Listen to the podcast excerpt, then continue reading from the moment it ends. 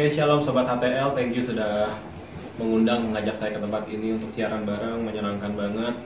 Well, untuk menjadi pribadi yang excellent, ingat bahwa Tuhan kita Tuhan yang sangat-sangat excellent dalam kasih, dalam eh, membimbing kita, dalam menjaga kita, melindungi kita. Jadi ingat kalau kita harus belajar excellent dari Tuhan.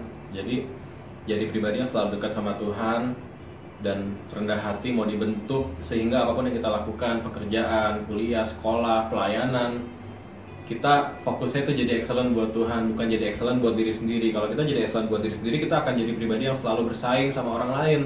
Tapi kalau kita pandang Tuhan terus kita cuman melayani bekerja dengan kasih dan kita mau jadi yang terbaik karena Tuhan kita udah jadi yang terbaik buat kita. God bless you